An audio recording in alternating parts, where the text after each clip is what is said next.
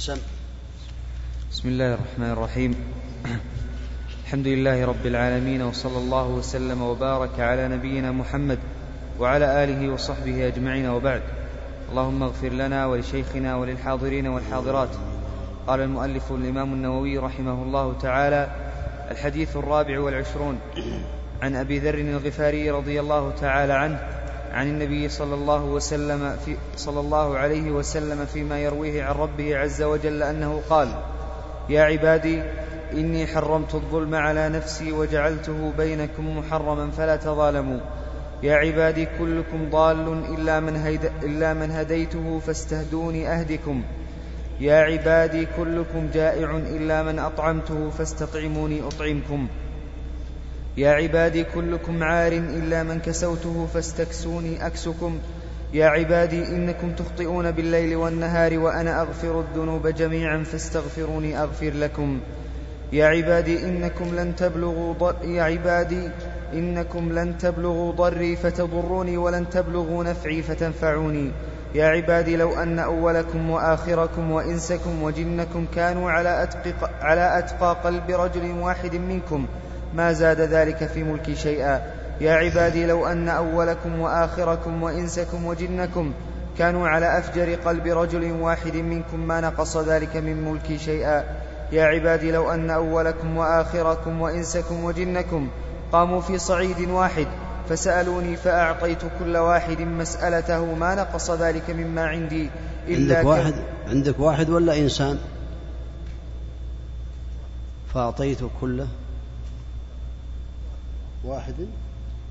نعم. لعلها في نسخة. إنسان نعم.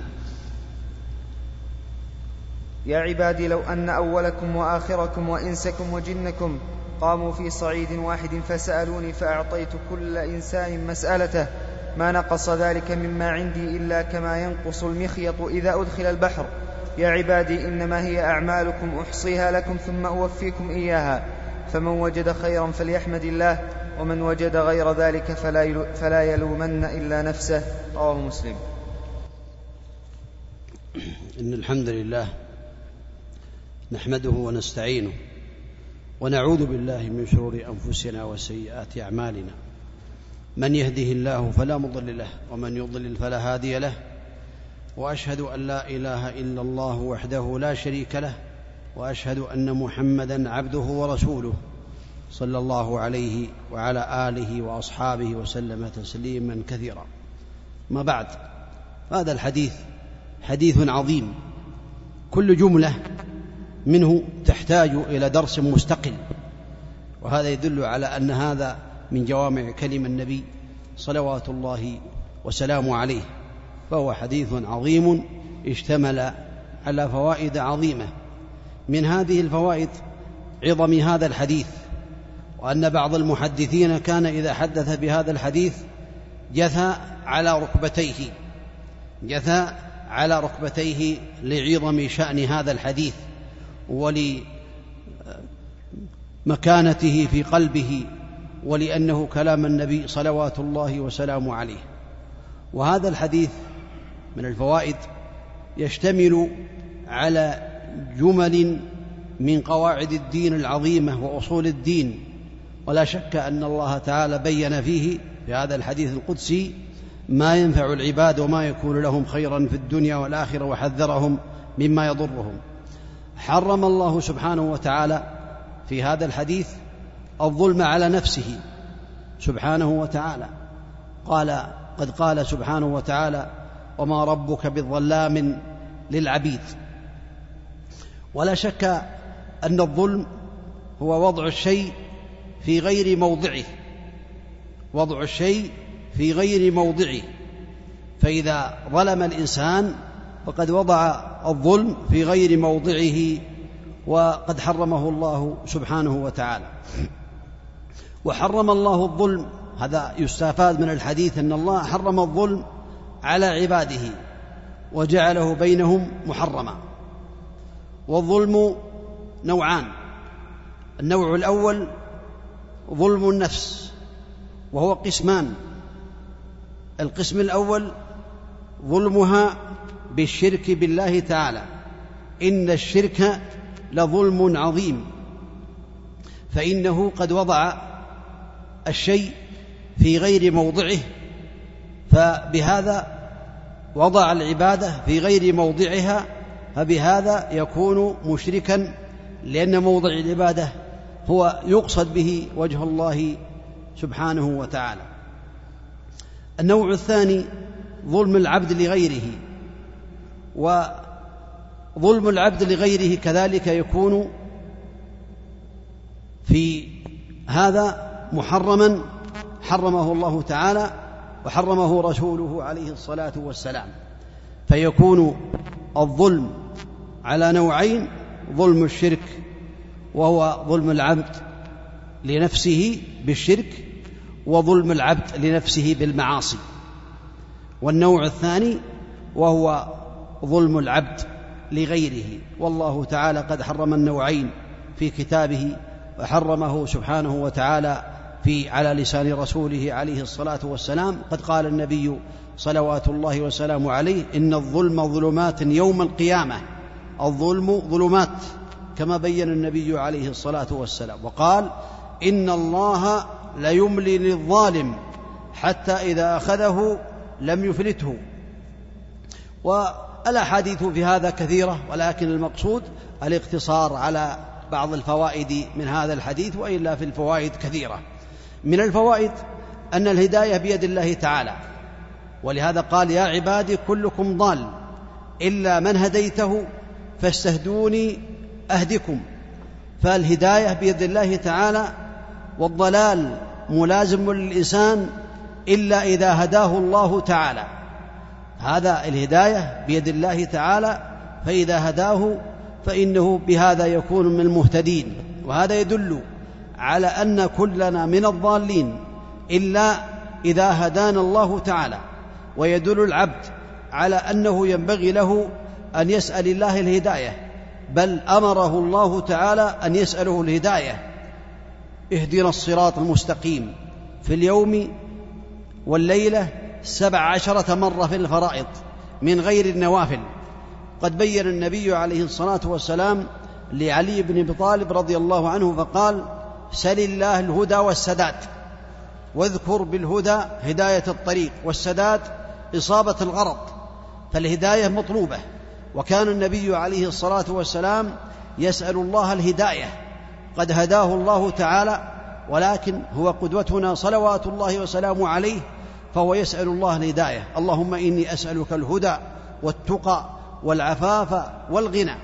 وكان يقول عليه الصلاة والسلام في صلاته من الليل اللهم رب جبرائيل وميكائيل وإسرافيل فاطر السماوات والأرض عالم الغيب والشهادة أنت تحكم بين عبادك فيما كانوا فيه يختلفون اهدني.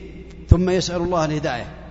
اللهم أنت تحكم بين عبادك فيما كانوا فيه يختلفون اهدني اهدني لما اختلف فيه من الحق. بإذنك إنك تهدي من تشاء إلى صراط مستقيم. وكان يقول وجهت وجهي للذي فطر السماوات والأرض الحديث وفيه اهدني لأحسن الإخلاق. لا يهدي لأحسنها إلا أنت. واصرف عني سيئها. لا يصرف عني سيئها إلا أنت. لبيك وسعديك والخير كله بيديك. الحديث. هذا يدل الإنسان على أنه ينبغي له أن يسأل الله تعالى الهداية دائما في صلاته ودائما في خلواته ودائما في الليل والنهار لأنه ضال وليس هناك أحد إلا وهو ضال إلا من هداه الله تعالى. كما قال النبي عليه الصلاة والسلام. وطلب الهداية يكون من الله تعالى. قوله فاستهدوني أهدكم وبالدعاء كما سمعتم. وكذلك من هذه الفوائد أن الهداية هدايتان. هداية التوفيق والإلهام والإرشاد والإعانة. وهذه هي التي يسألها الإنسان ربه عز وجل. هداية التوفيق والإلهام والعلم النافع والعمل الصالح والتسديد والتثبيت هذا نوع. وهداية يعني الهداية للإيمان والمؤمن لا شك أنه مهتد للإيمان والإسلام لكن التوفيق والتسديد والإعانة يسأل الله تعالى والإنسان إذا سأل الله تعالى فيقصد به الهدايتين هداية الهداية للخير وهداية التوفيق والإرشاد وغير ذلك مما بين الله تعالى. والحديث فيه افتقار الخلق إلى الله تعالى وأنهم كلهم عبيده مفتقرون إليه يحتاجون إليه في مطاعمهم ومشاربهم وفي كل شيء يحتاجونه. ولهذا قال النبي قال الله تعالى في هذا الحديث يا عبادي كلكم جائع إلا من أطعمته فاستطعموني أطعمكم. يا عبادي كلكم عار إلا من كسوته فاستكسوني أكسكم. ثم في هذا الحديث من الفوائد أن العباد لا يقدرون على أن يحتاجوا أو يوصلوا إلى الله تعالى ضرا ولا نفعا وإنما يضرون أنفسهم وينفعون أنفسهم والله تعالى غني عنهم سبحانه وتعالى. والعبد محتاج إلى المغفرة مغفرة الذنوب. ولهذا قال النبي عليه الصلاة والسلام يا عبادي إنكم تخطئون بالليل والنهار وأنا أغفر الذنوب جميعا فاستغفروني أغفر لكم. قد بين النبي عليه الصلاة والسلام أن كلنا خطأ وخير الخطائين التوابون. وبين صلوات الله وسلامه عليه في هذا الحديث القدسي أن العباد كما سمعتم يفتقرون إلى الله تعالى في كل شيء والله تعالى لا تضره طاعة معصية العاصي ولا تنفعه طاعة الطائع. يا عبادي إنكم لن تبلغوا ضري فتضروني ولن تبلغوا نفعي فتنفعوني. وهذا يدل على أن الله تعالى مستغن عن عباده خلقهم سبحانه وتعالى وهو قائم بنفسه وبغيره سبحانه وتعالى. فلا تضره طاعة طاعة الطائعين. ولهذا قال يا عبادي لو أن أولكم وآخركم وإنسكم وجنكم كانوا على أتقى قلب رجل واحد منكم ما زاد ذلك في الملك شيئا. يا عبادي لو أن أولكم وآخركم وإنسكم وجنكم كانوا على أفجر قلب رجل واحد منكم ما نقص ذلك في الملك شيئا. لو كان الناس كلهم على قلب النبي محمد بن عبد الله في الإيمان والتقوى والخشية والمراقبة لا يجده في ملك الله شيئا. لو كان الناس كلهم على قلب فرعون في الكفر والفجور والعصيان والتعدي لحدود الله تعالى وادعاء الألوهية ما نقص ذلك من ملك الله شيئا سبحانه وتعالى. هذا يدل على كمال ملكه وكمال قدرته سبحانه وتعالى إنما أمره إذا أراد شيئا أن يقول له كن فيكون. وفي الحديث من الفوائد أن الله تعالى هو بيده كل شيء وأن خزائنه ملأى لا تنقصها نفقة. سحاء الليل والنهار. ألم تروا كم أنفق منذ خلق السماوات والأرض؟ فإن ذلكم لا ينق... لم ينقص. مما عنده سبحانه وتعالى من الخزائن. ولهذا قال النبي عليه الصلاة والسلام في هذا الحديث يا عبادي لو أن أولكم وآخركم وإنسكم وجنكم قاموا في صعيد واحد فسألوني فأعطيت كل إنسان مسألته ما نقص ذلك مما عندي إلا كما ينقص المخيط إذا ادخل البحر. لو أجتمع الأولون والآخرون منهم الجن والإنس في مكان في مقام واحد. وسألوا الله تعالى واختلفت مطالبهم. كل يسأل بما أراد ثم أعطاهم في آن واحد. ما نقص ذلك مما عنده إلا كما تنقص الإبرة من البحر. إذا أدخلت ثم نزعت كم يبقى في هذه الإبرة؟ أو كم تنتزع من البحر وهذا يدل على سعة فضل الله تعالى. وجوده وكرمه وإحسانه سبحانه وتعالى وأنه على كل شيء قدير ويدل على كمال قدرته سبحانه وتعالى. وفي الحديث أن الإنسان يسأل الله تعالى إذا علم بأن كل شيء بيده سبحانه وتعالى وأن الأرزاق بيده وأنه إذا أراد شيئا فإنما يقول له كن فيكون فهذا يدله على أن يلح على الله تعالى بالدعاء ويسأله سبحانه وتعالى ما يريد ولأن ذلك لا ينقص مما عنده سبحانه وتعالى ما عندكم ينفد وما عند الله باق سبحانه وتعالى. ولا شك أن العباد إذا عملوا الأعمال فإنما هي لهم يحصيها الله تعالى لهم ثم يوفيهم إياها يوم القيامة كما في هذا الحديث كما قال الله تعالى يوم تجد كل نفس ما عملت من خير محضرا وما عملت من سوء تود لو أن بينها وبينه أمدا بعيدا. ولهذا يعلم الإنسان أن الأعمال التي يعملها تحصى له ثم يوفاها يوم القيامة كما بين النبي صلوات الله وسلامه عليه في هذا الحديث.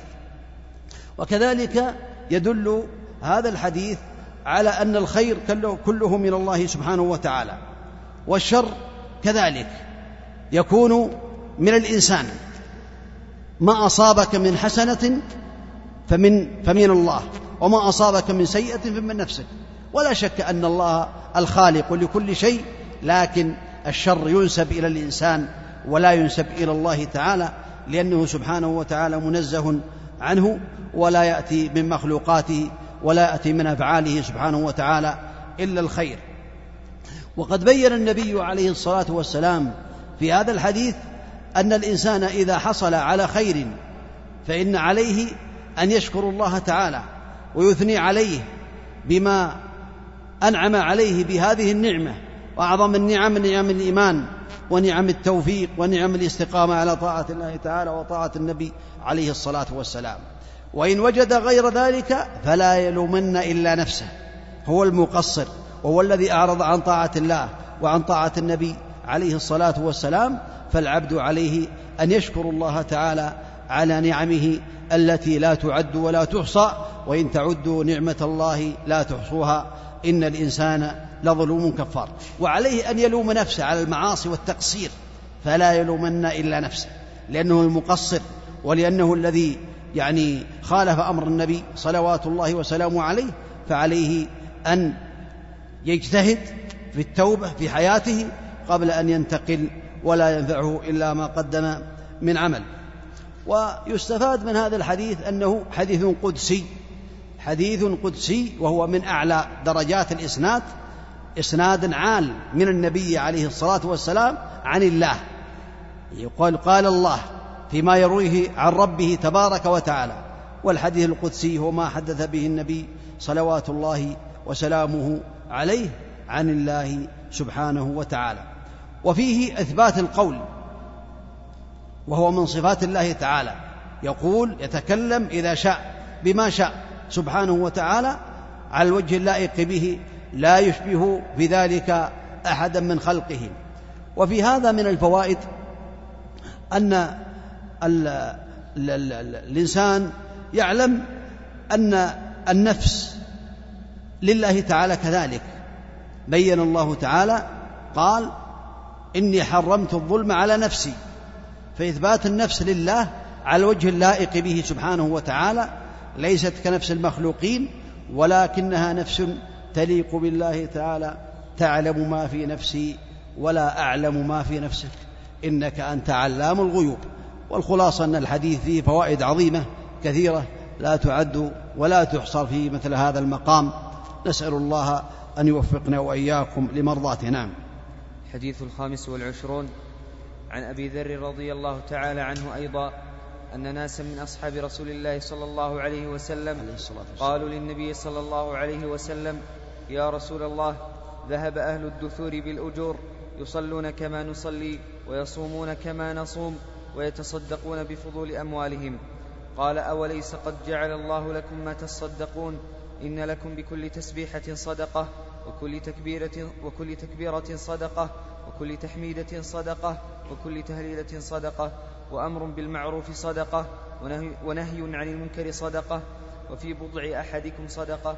قالوا يا رسول الله أيأتي أحدنا شهوته ويكون له فيها أجر؟ قال أرأيتم لو وضعها في حرام أكان عليه وزر فكذلك إذا وضعها في الحلال كان له أجر. رواه مسلم. وهذا الحديث كذلك فيه من الفوائد الشيء العظيم وكل جملة كما سمعتم في الحديث الأول كل جملة تحتاج إلى درس مستقل ولكن هذا من فضل الله تعالى يؤتيه من يشاء. فقد آتى النبي عليه الصلاة والسلام سبحانه وتعالى جوامع الكلم. في هذا الحديث حرص الصحابة على الأعمال الصالحة والمنافسه فيها فإن هؤلاء الفقراء فقراء المهاجرين يشتكون إلى النبي عليه الصلاة والسلام إخوانهم من أهل الدثور والدثور هي الأموال الكثيرة الأموال العظيمة بأنهم يصلون كما يصلون وكذلك يصومون كما يصومون ويتصدقون بفضول أموالهم. فجاءوا يشتكون إلى النبي عليه الصلاة والسلام لحرصهم على الخير وعلى أن يتقربوا لله تعالى بالصدقة. من هذا الفوائد أن فقراء الصحابة رضي الله عنهم يحزنون على الخير يحزنون على فوات الخير ولهذا حزنوا حينما رأوا إخوانهم يتصدقون وهم لا يتصدقون وقد شاركوهم في الأعمال الصالحة التي ذكرها النبي عليه الصلاة والسلام في هذا الحديث. وفي هذا الحديث من الفوائد غبطة الصحابة رضي الله عنهم لبعضهم وهذه الغبطة الحسد الجائز لا حسد إلا في اثنتين فهم يغبطون إخوانهم من الأنصار على هذه الأموال التي يتصدقون منها ويعتقون منها ويصلون أرحامهم منها وهم لم يعطوا مثلهم. فهذا من باب الغبطة الجائزة والمنافسة في الخير. وفي الحديث أن النبي عليه الصلاة والسلام قال أفلا أعلمكم شيئا تذكر شيئا تذكرون تدركون به من سبقكم وتسبقون به من بعدكم ولا يكون أحد أفضل منكم إلا من صنع مثل ما صنعتم. قالوا بلى. قالوا تسبحون وتحمدون وتكبرون في دبر كل صلاة ثلاثا وثلاثين. هذا رواية أخرى للحديث. وأن النبي عليه الصلاة والسلام بين بأن من الصدقات أن يسبح الإنسان ثلاثا وثلاثين بعد الصلاة. سبحان الله والحمد لله والله أكبر. وإن قال تمام المئة لا إله إلا الله وحده لا شريك له له الملك وله الحمد وهو على كل شيء قدير حطت خطاياه حطت خطاياه وإن كانت مثل زبد البحر كما بين النبي صلوات الله وسلامه عليه. وفي الحديث من الفوائد أن جميع أنواع الخير أنواع المعروف من الصدقات وأن الصدقة لا تقتصر على المال. الصدقة تكون قد تكون بالكلمة الطيبة وقد تكون بالتسبيح والتهليل والتكبير وتكون كذلك بعزل الحجر عن الطريق وتكون بإزالة الأذى وتكون بالأمر بالمعروف والنهي عن المنكر تكون بكل فعل حسن حسنه الشرع. هذا يدل على أن الصدقة لا تقتصر على المال وإنما الصدقة على نوعين. نوع الأول ما فيه تعدية الإحسان إلى غيره. تعدية الإحسان إلى غيره كمثال ذلك الأمر بالمعروف والنهي عن المنكر وإزالة الأذى عن الطريق. وغير ذلك هذا من تعدية الإحسان إلى غيره أي هو يوصل الإحسان إلى غيره وهذا من أفضل الصدقات لأن الصدقة المتعدية إلى الغير فضلها أعظم من الصدقة القاصرة على النفس. وهذا النوع قد بينه النبي صلوات الله وسلامه عليه في أحاديث كثيرة. ونوع ثاني من الصدقة وهي التي ليست بمالية وإنما هي قاصرة على الإنسان ومن ذلكم التسبيح والتحميد والتهليل والتكبير ويعني كف الشر عن الناس كما بين النبي عليه الصلاة والسلام في الأحاديث. ومن جمع بين الصدقة بالمال والصدق والصدقة بغيره فقد جمع بين الخير كله. فكون يتصدق بالمال ويتصدق بالأمر بالمعروف والنهي عن المنكر وإزالة الأذى عن الطريق والكلمة الطيبة والإحسان وغير ذلك من أنواع الصدقات فهذا يكون قد جمع بين الخيرات ويكون من السابقين الذين وفقهم الله تعالى لهذا الخير. وهذا الحديث يشتمل على قواعد نفيسة من قواعد الدين بينها النبي عليه الصلاة والسلام في هذا الحديث. وفيه الحث على التنافس في طاعة الله تعالى. وفي ذلك فليتنافس المتنافسون. فإن الصحابة رضي الله عنهم ينافسون إخوانهم ويغبطونهم على الخير ولهذا سابقوهم وسألوا النبي صلوات الله وسلامه عليه هذا الخير وبين لهم النبي عليه الصلاة والسلام ما يغنيهم. كذلك من هذا الحديث أو يبين هذا الحديث صلوات الله وسلامه عليه أن الأعمال قد تكون عبادة الأعمال المباحة قد تكون عبادة بالنية. ولهذا قال النبي عليه الصلاة والسلام وفي بضع أحدكم صدقة. وربما ذكر بعض العلماء أن هذا حتى ولو لم يكن بنية وإنما إذا كان لطلب الولد وكان للعفاف وغير غض البصر ولو لم يكن بنية فقال بعض العلماء أنه يثاب عليه. لكن على الإنسان أن ينوي بالأعمال المباحة ينوي بها التقرب لله تعالى والقيام بالواجب حتى يثاب على ذلك بلا شك لأن الأعمال إنما تكون بالنيات كما قال النبي عليه الصلاة والسلام. ولا شك أن النبي عليه الصلاة والسلام قد استخدم الحكمة مع هؤلاء في إدخال السرور عليهم رضي الله عنهم. قال أوليس قد جعل الله لكم ما تصدقون؟ أدخل السرور عليهم عليه الصلاة والسلام وبين لهم عليه الصلاة والسلام حينما قالوا يا رسول الله سمع إخواننا المهاج... الم... الأنصار بما علمتنا أو بما رأوا بما ما فعلنا فعملوا مثل ما فعلنا. فقال عليه الصلاة والسلام ذلك فضل الله يؤتيه من يشاء. وهذا يدل على فضل الله تعالى وأنه يؤتي من يشاء من عباده يجمع لهم بين الخيرات. في هذا الحديث النهي الأمر بالمعروف وأن الإنسان عليه أن يأمر بالمعروف وينهى عن المنكر. فإن النبي عليه الصلاة والسلام بين في هذا الحديث أنه من الصدقات التي يتصدق بها الإنسان على نفسه وعلى إخوانه. ولكن لا يأمر بالمعروف ولا ينهى عن المنكر إلا بشرطين أو لا يؤمر بالمعروف ولا ينهى لا يؤمر بالمعروف إلا بشرطين. الشرط الأول أن يعلم أن هذا من المعروف لأن تعريف المعروف أمر بالمعروف هو أمر بالمعروف إذا ظهر تركه. والمنكر نهي عن المنكر إذا ظهر فعله. فلا بد من أن يعلم بأن هذا من المعروف فيأمر به. ولا بد من أن يعلم بأن هذا من المنكر فينهى عنه.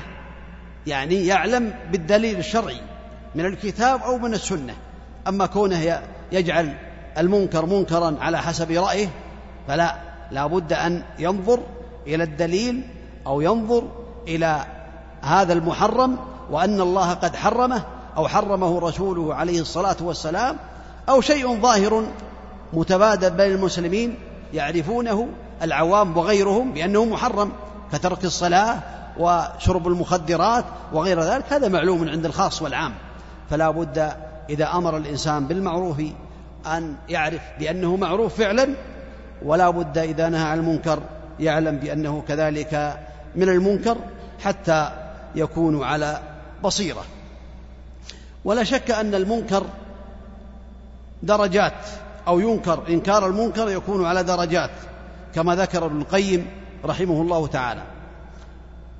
أن يعلم بأن هذا المنكر يزول إذا أنكر.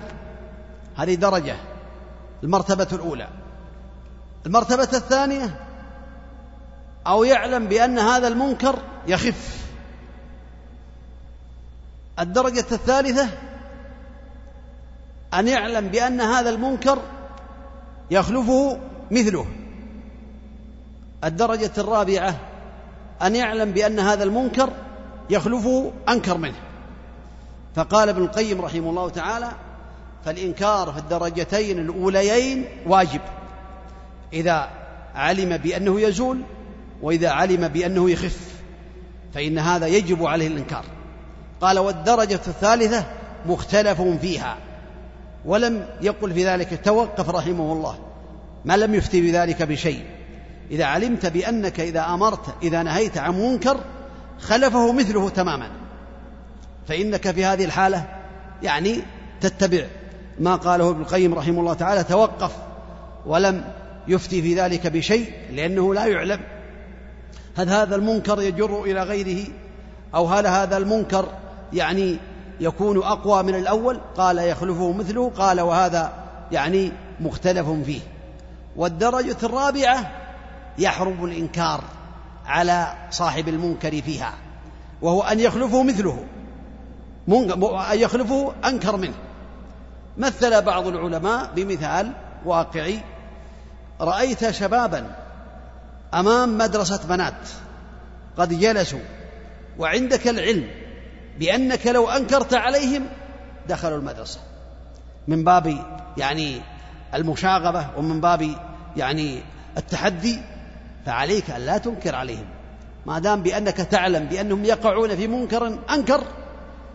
كذلك لو علمت بأن شارب الدخان مثلا يقينا لا شك فيه بأنه لو ترك الدخان شرب المخدرات والخمر لا تنكر عليه.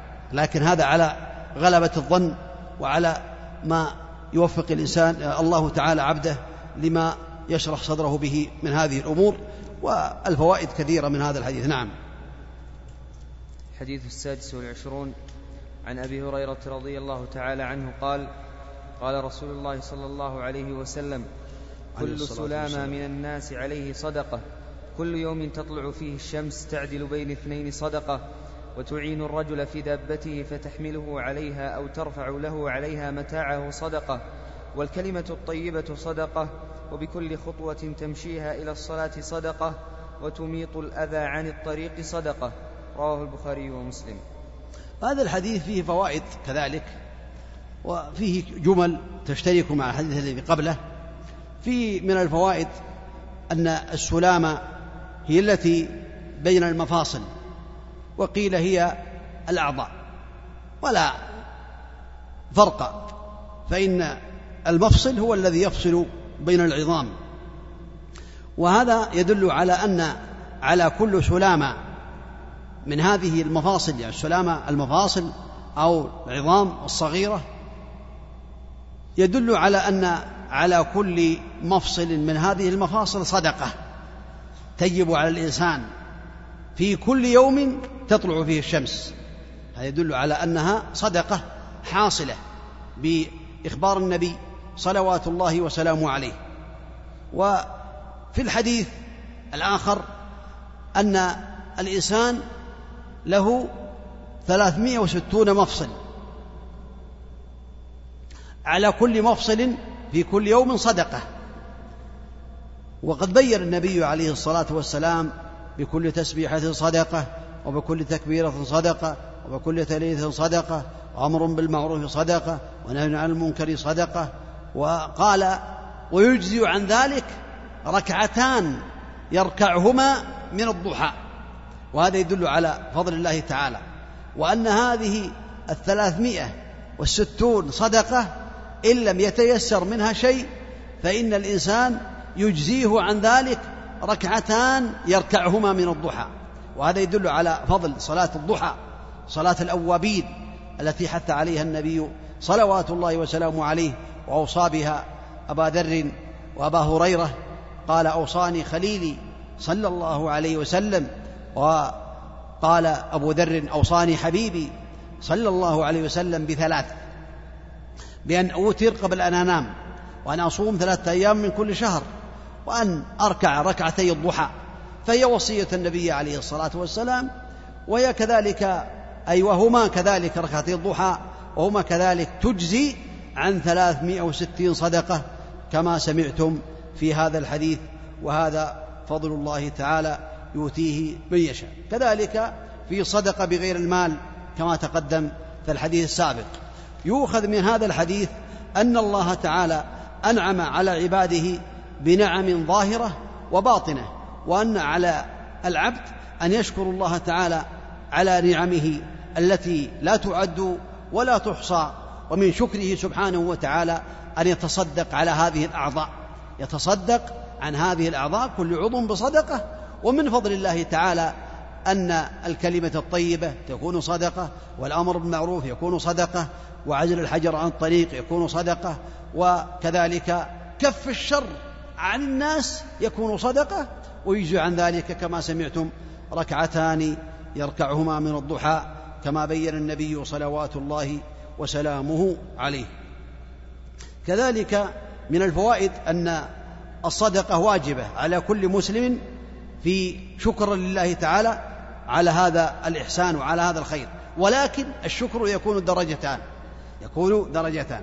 الدرجة الأولى أن يأتي بالواجبات ويجتنب المحرمات.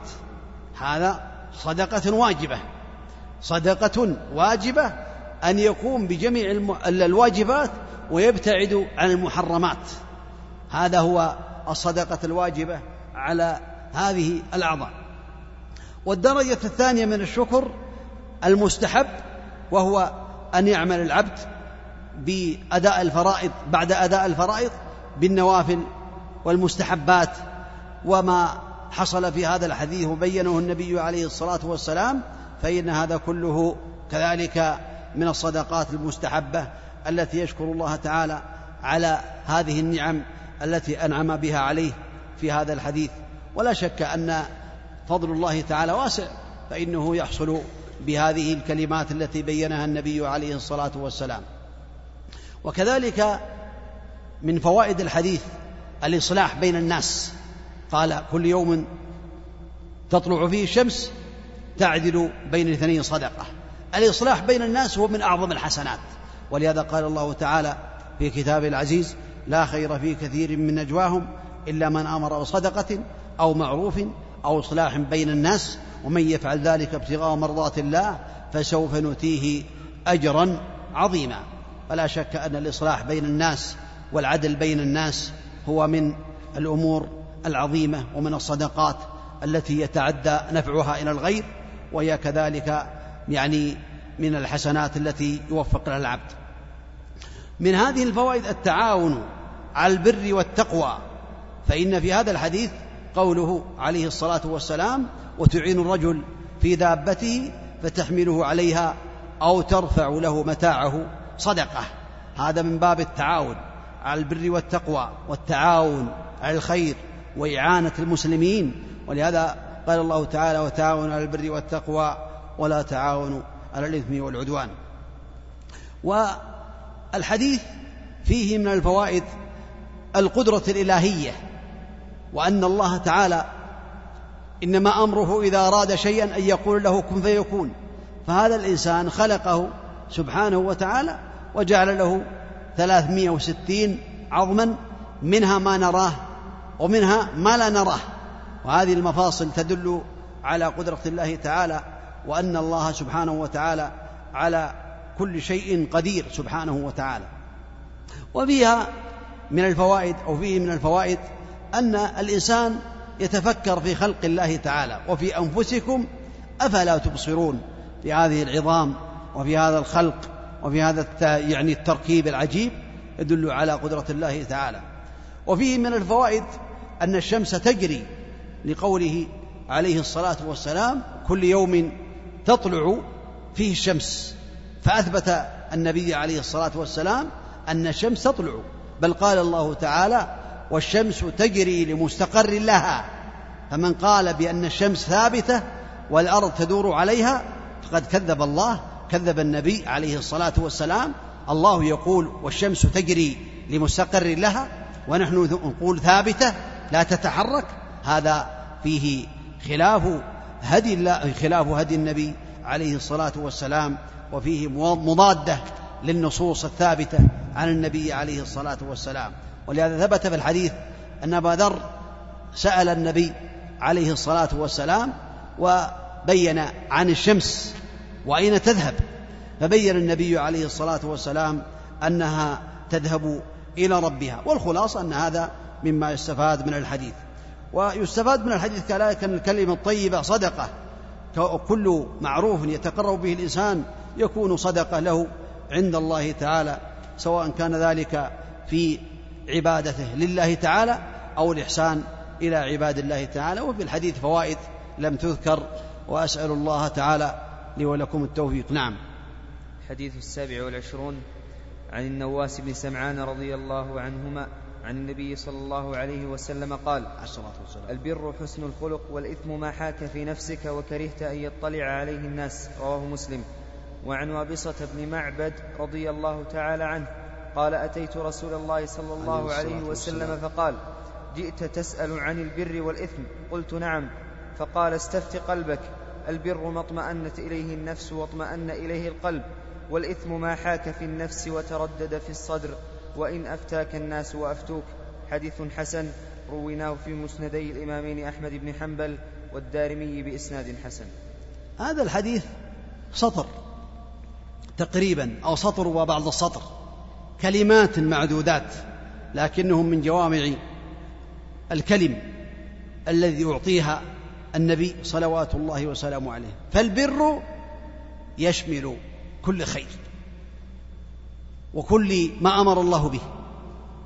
والإثم يشمل كل شر وكل ما نهى الله عنه سبحانه وتعالى. وإذا قال البر البر حسن الخلق. قد قال الله تعالى في القرآن في عن النبي قد قالت عائشة رضي الله عن النبي عليه الصلاة والسلام كان خلقه القرآن. فلا شك أن هذا حديث من جوامع كلم النبي عليه الصلاة والسلام. وفيه كذلك أن في حديث وابصة الرواية الثانية أن يعني معجزة معجزات النبي عليه الصلاة والسلام. فإنه جاء يسأله فقال جئت تسأل على البر والإثم؟ هذا يدل على أن الله أخبره قبل أن يسأل. بمجرد ما رأى قال جئت تسأل عن البر والإثم؟ قال نعم. هذا يدل على أن النبي عليه الصلاة والسلام أعطاه الله من المعجزات وهذا من الأمور الغيبية لكن الله أخبر بها لا يعلم الغيب إلا الله إلا ما أطلع الله تعالى عليه رسوله عليه الصلاة والسلام فإن هذا مما أخبر الله به وهذا يدل على صدق النبي صلوات الله وسلامه عليه وعلى أنه رسول الله حقا. والبر نوعان النوع الأول معاملة الخلق بالإحسان إليهم وأن يقوم ببرهم وأعظم البر بر الوالدين فهو يقدم بر الوالدين على بر الخلق. وهذا البر شيء هين لين وجه طليق وكلام لين. البر أمره يسير لا يحتاج إلى تعب لكن يحتاج إلى توفيق من الله تعالى. وإذا قرن البر بالتقوى كما في قوله تعالى وتعاونوا على البر والتقوى فحينئذ يكون تكون التقوى القيام بالواجبات والابتعاد عن المحرمات. ولا شك أن النوع الثاني من أنواع البر وهو أن يريد الإنسان بعمله التقرب لله تعالى بالإحسان إلى عباد الله تعالى يدخل في هذا كل ما عمله الإنسان تقربا لله تعالى. والبر كذلك يدخل فيه القيام بما أوجب الله والابتعاد عما حرم الله سبحانه وتعالى. ولا شك أن الله تعالى فطر عباده على معرفة الحق. ولهذا قال البر حسن الخلق والإثم ما حاك في النفس في نفسك. وكرهت أن يطلع عليه الناس. وهذا ذكر العلماء رحمهم الله تعالى أن هذا يكون في الأمور التي لا دليل عليها من كتاب ولا سنة. أما كون الإنسان يأتيه الحديث عن النبي عليه الصلاة والسلام أو دليل من القرآن الكريم ثم يجد في صدره حرج فهذا يدل على عدم الطمانينة وعلى عدم تصديق الله تعالى. لكن هذا في الأمور التي لا دليل عليها من كتاب ولا سنة. فإذا كان هناك مشتبهات اشتبهت على الناس فحينئذ انظر إلى هذا التوجيه الحكيم من النبي عليه الصلاة والسلام فإن الحق والبر ما أطمأنت إليه النفس. وانشرح له الصدر والإثم ما كرهت أن يطلع عليه الناس. هذا هو ضابط وفي حديث واصبة ووابصه رضي الله عنه قال استفتي قلبك. استفتي قلبك. البر ما أطمأنت إليه النفس. فإذا سألت عن مسألة اختلف العلماء فيها فمنهم من يحرمها ومنهم من يجيزها. كالمساهمات الآن التي انتشرت بين الناس فإن بعض الناس يعني يفتي في بعض المسائل بأنها لا بأس بها وبعض الناس يتوقف ويقول فيه شبهة وبعض الناس يمنع فحينئذ في هذه المسائل التي لا دليل عليها استفتي قلبك. ما اطمأن إليه القلب وانشرح إليه الصدر وانشرحت له الروح كذلك فهو الحق. لأن الحق عليه نور الحق عليه نور.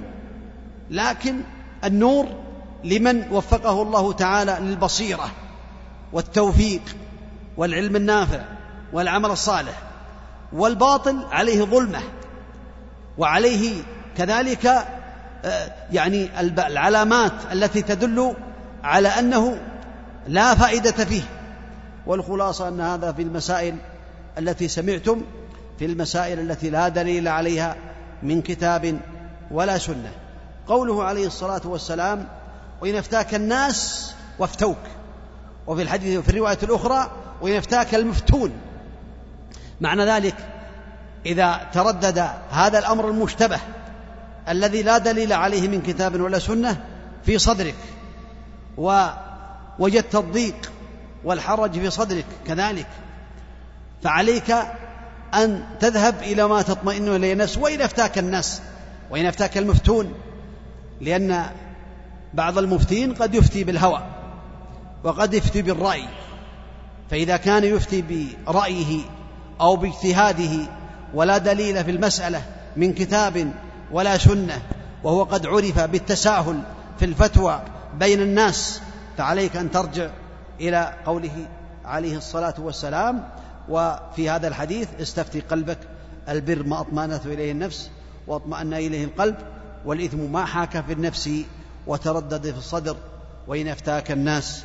وافتوك هذا قاعدة عظيمة ينبغي للمسلم أن يعتني بهذه القواعد التي بينها النبي صلوات الله وسلامه عليه في البر وفي الإثم. وهذا يدل على أن النبي عليه الصلاة والسلام أعطاه الله جوامع الكلم التي يبين بها للناس عليه الصلاة والسلام الكلمات القليلات وتشتمل على الفوائد العظيمة. نعم. الحديث الثامن والعشرون. عن أبي نجيح العرباض بن سارية رضي الله تعالى عنه قال وعظنا رسول الله صلى الله عليه وسلم موعظة وجلت منها القلوب وذرفت منها العيون فقلنا يا رسول الله كأنها موعظة مودع فأوصنا. قال أوصيكم بتقوى الله عز وجل والسمع والطاعة وإن تأمر عليكم عبد فإنه من يعش منكم فسيرى اختلافا كثيرا. فعليكم بسنتي وسنة الخلفاء الراشدين المهديين عضوا عليها بالنواجذ وإياكم ومحدثات الأمور فإن كل محدثة بدعة وكل بدعة ضلالة. رواه أبو داود والترمذي وقال حديث حسن. وهذا الحديث كذلك. فيه من الفوائد حرص النبي صلوات الله وسلامه عليه على وعظ الناس ووعظ أصحابه رضي الله عنهم. وقد أمر الله تعالى نبيه بذلك في كتابه العزيز فقال وعظهم. والله تعالى أمره بالموعظة. قال ادع إلى سبيل ربك بالحكمة والموعظة الحسنة وجادلهم بالتي هي أحسن. وفي هذا الحديث من الفوائد بلاغة النبي صلوات الله وسلامه عليه. قد كان يتوصل إلى أفهام الناس المعاني المقصودة وإيصالها إلى قلوب السامعين بأحسن صورة بالألفاظ الدالة عليها وبالألفاظ الفصيحة صلوات الله وسلامه عليه فقد أعطاه الله تعالى البلاغة وجوامع الكلم عليه الصلاة والسلام. وفيه من الفوائد سلامة قلوب الصحابة رضي الله عنهم فإن القلب السليم هو الذي يتأثر بالموعظة والقلب المريض أو الميت وكالحجر لا يستفيد من المواعظ. ولهذا قال هذا الراوي وعظنا قال وهو العرباط وعظنا رسول الله صلى الله عليه وسلم موعظة وجلت منها القلوب وذرفت منها العيون وجلت خافت. إنما المؤمنون الذين إذا ذكر الله وجلت قلوبهم وإذا تليت عليهم آياته زادتهم إيمانا وعلى ربهم يتوكلون. فذرفت العيون من خشية الله تعالى لرقة القلوب ولرغبتها فيما عند الله تعالى ولعلمها بالله سبحانه وتعالى هذا يدل على سلامة قلوب أصحاب النبي صلوات الله وسلامه عليه. ومن الفوائد أن موعظة المودع بليغة في الغالب لأنه يحب الإحسان ولها الأثر في النفوس. فالمودع الذي يودع الناس سواء كان النبي عليه الصلاة والسلام موعظته موعظة مودع يعني لأنه قد ينتقل من الدنيا إلى الآخرة أو انت ودعت بعض الناس فعليك أن تخلص في هذه هذه النصيحة في النصيحة والوصية لأن موعظة المودع في الغالب إذا قصد وجه الله تعالى يستفيد منها ممن وصاه. وكذلك من هذه الفوائد حرص الصحابة على وصايا النبي صلوات الله وسلامه عليه يحرصون على وصايا النبي عليه الصلاة والسلام. ولهذا قالوا كأنها موعظة مودع فأوصنا. أوصنا يا رسول الله. ويؤخذ منها أن الإنسان قد يطلب الوصية من العالم أو من من فقه في دين الله تعالى ولكن لا يكثر. بعض الناس ربما يأتي إلى بعض الناس يقول أوصني ثم يأتي المرة الأخرى يقول أوصني ثم كل مرة يقول أوصني. هذا فيه ملل ولكن إذا قصد وجه الله تعالى وسأل الوصية في بعض الأحيان في الوقت المناسب لكل مقام مقال فلا بأس بذلك. والنبي عليه الصلاة والسلام قد أوصى أصحابه حينما سألوه عليه الصلاة والسلام. وهذه كلمتان جامعتان تدل على سعادة الدنيا والآخرة وهي وصية النبي عليه الصلاة والسلام لأصحابه. فقال أوصيكم بتقوى الله. هذه كلمة تدل على سعادة الآخرة وكذلك الدنيا والسمع والطاعة. هذا يدل على سعادة الدنيا قبل الآخرة. لأن تقوى الله تعالى وهي القيام بالواجبات والابتعاد عن المحرمات يورث الإنسان السعادة في الآخرة وفي الدنيا. وطاعة ولاة الأمر يورث الإنسان السعادة في الدنيا. كذلك لأن طاعة ولي الأمر في طاعة الله يحصل بها الأمن ويحصل بها حقن الدماء ويحصل بها الحفاظ على الأعراض ويحصل بها جمع الكلمة بين المسلمين ومخالفة ولي الأمر ومعصيته يحصل بها سفك الدماء ويحصل بها اهتزاز الأمن ويحصل بها انتهاك الأعراض وحتى ولو كان فاجرا ففجوره على نفسه. فإن من عقيدة أهل السنة والجماعة طاعة ولي الأمر. وإن كان فاجرا ففجوره على نفسه. أما إذا كان كافرا فلا طاعة له إلا عند العجز. فإن العجز إذا كان عجز الإنسان فإنه في هذه الحالة لا يوافقه على الباطل ولكن لا يخرج عليه. إذا كان كافرا إذا كان عاجزا كما في بعض الأقطار أن الحاكم إذا كان كافرا والمسلمون منقادون لأنهم ضعفاء. أما إذا كان عندهم قوة يستطيعون أن يخرجوا على هذا الكافر فلا بأس وهذا المطلوب. أما المؤمن ولي الأمر المسلم فلا يجوز مخالفته ولو كان عاصيا ما دام يصلي وما دام يقوم بما أوجب الله عليه. ولهذا قال النبي عليه الصلاة والسلام حينما سئل عن أمراء بين بأن هناك من الأمراء في آخر الزمان من يؤخرون الصلاة عن أوقاتها؟ قالوا يا رسول الله ألا ننابذهم بالسيف؟ قال لا. لا. وفي رواية إلا أن تروا كفرا بواحا عندكم من الله فيه برهان. لأن معصية ولي الأمر فيها الشر العظيم. قد قال الله تعالى يا أيها الذين آمنوا أطيعوا الله وأطيعوا الرسول وأولو الأمر منكم. فإن تنازعتم في شيء فردوه إلى الله والرسول إن كنتم تؤمنون بالله واليوم الآخر. ذلك خير وأحسن تاويلا. كذلك من هذه الفوائد أمر النبي عليه الصلاة والسلام بالسمع والطاعة وإن كان الأمير أو ولي الأمر وإن كان عبدا حبشيا حتى جاء في الحديث الآخر الصحيح وإن كان عبدا حبشيا كأن رأسه زبيبة. هذا من المبالغة في طاعة ولي الأمر في طاعة الله تعالى وطاعة النبي صلوات الله وسلامه عليه. وفيه من الفوائد اختلاف الناس بعد النبي عليه الصلاة والسلام. فإنه قال عليه الصلاة والسلام في الحديث وإنه من يعش منكم فسيخ فسيرى, فسيرى اختلافا كثيرا. يرى اختلافا كثيرا. فهذا يدل على كثرة الاختلاف بعد النبي عليه الصلاة والسلام. ولهذا قال افترقت اليهود على إحدى وسبعين فرقة وافترقت النصارى على اثنتين وسبعين فرقة وستفترق هذه الأمة على ثلاث وسبعين فرقة. كلها في النار. كلها في النار إلا واحدة. قيل من هم يا رسول الله؟ قال عليه الصلاة والسلام هم من كان مثل ما أنا عليه وأصحابي عليه الصلاة والسلام. هذا تعريف جامع مانع. لأهل السنة والجماعة. إن كنت تريد أن تعرف أهل السنة والجماعة فهم من كان مثل ما كان عليه النبي عليه الصلاة والسلام. كل يدعي أنه على مذهب أهل السنة والجماعة. كل البدع يقولون نحن على يعني مذهب النبي عليه الصلاة والسلام وأصحابه. إذن الضابط والمميز والفارق هو التعريف المانع الجامع الشامل. وهو أن من كان مثل ما كان عليه النبي عليه الصلاة والسلام وأصحابه فهو من أهل السنة والجماعة. ولهذا نهى النبي عليه الصلاة والسلام عن الاختلاف عليه الصلاة والسلام.